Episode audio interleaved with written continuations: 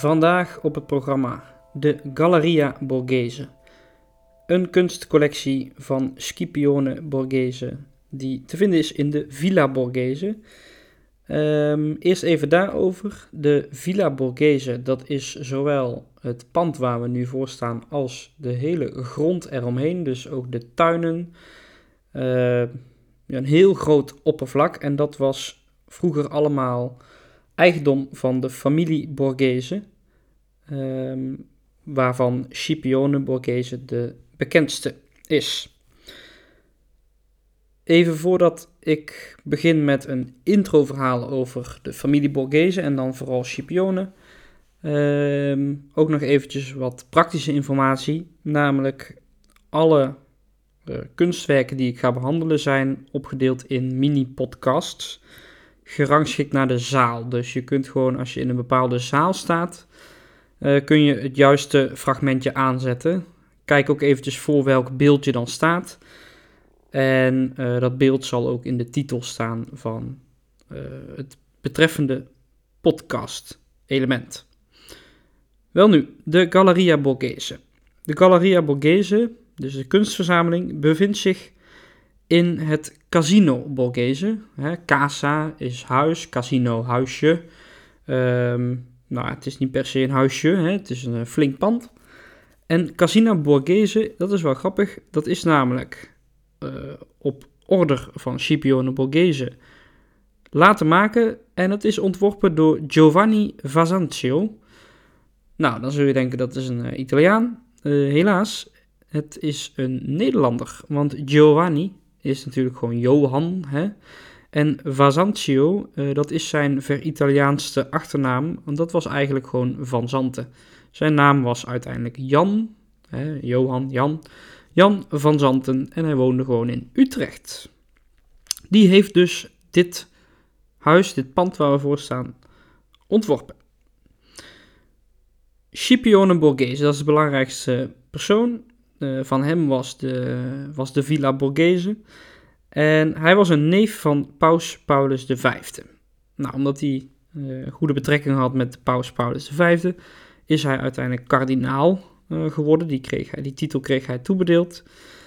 Um, maar naast dat hij kardinaal was, was hij ook een fervent liefhebber van de kunsten. En hij had ook echt een goede neus voor kwaliteit. Voor wat nou mooie kunsten zijn. Dus werd hij een verzamelaar.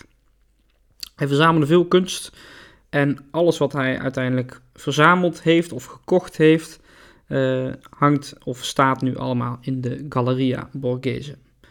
Maar niet alles wat hij heeft verzameld is ook echt op ja, eerlijke wijze in zijn handen gekomen. Um, een voorbeeld hiervan is dat er een schilder was uh, die gewoon zelf allemaal schilderijen had gemaakt. Maar die had ook een schilderij van Caravaggio in bezit. Uh, getiteld De Zieke Bacchus. En dat zou een zelfportret zijn van de jonge Caravaggio. Dus een heel waardevol schilderij. Nou, wat deed Scipione Borghese? Hij liet een huiszoeking doen bij deze betreffende schilder. Uh, en vond uiteindelijk verboden wapens. Nou, uh, het waren waarschijnlijk gewoon wapens die eh, bijna iedereen van een beetje hoge stand in zijn bezit had. Dus het was eigenlijk niet per se iets om hem op te pakken. Maar dat deed hij wel en hij zei: je krijgt de doodstraf of je levert uh, de zieke baggers van Caravaggio en een deel van je privécollectie bij mij in. Nou, zo zeg zo gedaan. Dat deed de arme schilder natuurlijk, want hij wilde niet dood. En dus kwam het prachtstuk van Caravaggio in bezit van Scipione. Hetzelfde kunstje heeft Scipione Borghese geflikt bij de schilder Domenichino. Uh, wat was daar nou mee aan de hand? Hij had namelijk, die Domenichino had een meesterwerk gemaakt, Diana, hè, over de godin Diana. Uh, en ook daar heeft hij een huiszoeking laten doen. Uh, nou, uiteindelijk iets gevonden wat niet mocht en gezegd: doodstraf of je meesterwerk Diana inleveren. Uh, zo gezegd, zo gedaan. Diana ingeleverd, Domenichino overleefde het en Diana hangt nu in zaal 19, mocht je dat willen zien. Zo'n mooi schilderij. Dan nog één ding uh, wat Scipione Borghese ook nog onder andere heeft geflikt, is een uh, kerkje in Perugia. Dat heeft hij s'nachts laten beroven door een roversbende die hij heeft ingehuurd. En nou, veel kunst buitgemaakt, waaronder een kunstwerk van Raphaël, namelijk de graflegging. En uh, dit werk is te zien in zaal 9. Hè, Raphaël natuurlijk een, uh, ja, een, een, heel bekend grootmeester van de schilderkunst.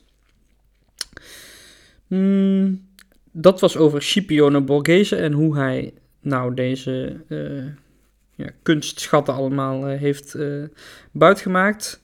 Een nazaat van hem, Camillo Borghese, uh, dus een verre achterklein kind, die is getrouwd geweest met Pauline Bonaparte.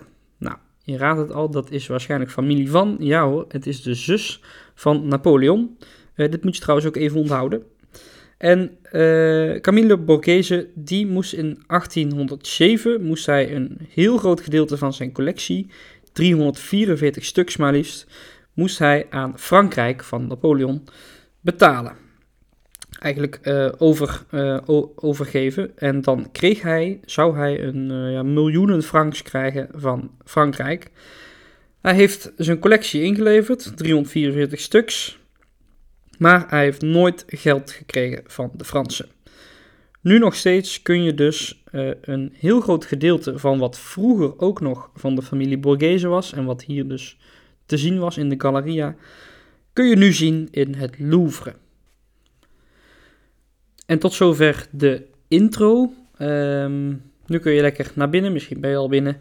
En kun je per zaal steeds één podcast aanzetten. Ik heb uh, podcast over zaal 1, 2, 3, 4 en 6. Um, je kunt als je binnenkomt naar rechts gaan en daar in zaal 1 beginnen bij een beeld van Canova. En dan kun je tegen de klok in, of ja, je kunt maar één kant op, dus dan kun je die kant zo uh, op naar 2, 3, 4 en 6. Wat je ook kunt doen is gewoon een beetje rondlopen en per zaal even de betreffende podcast aanzetten. Yes, veel plezier.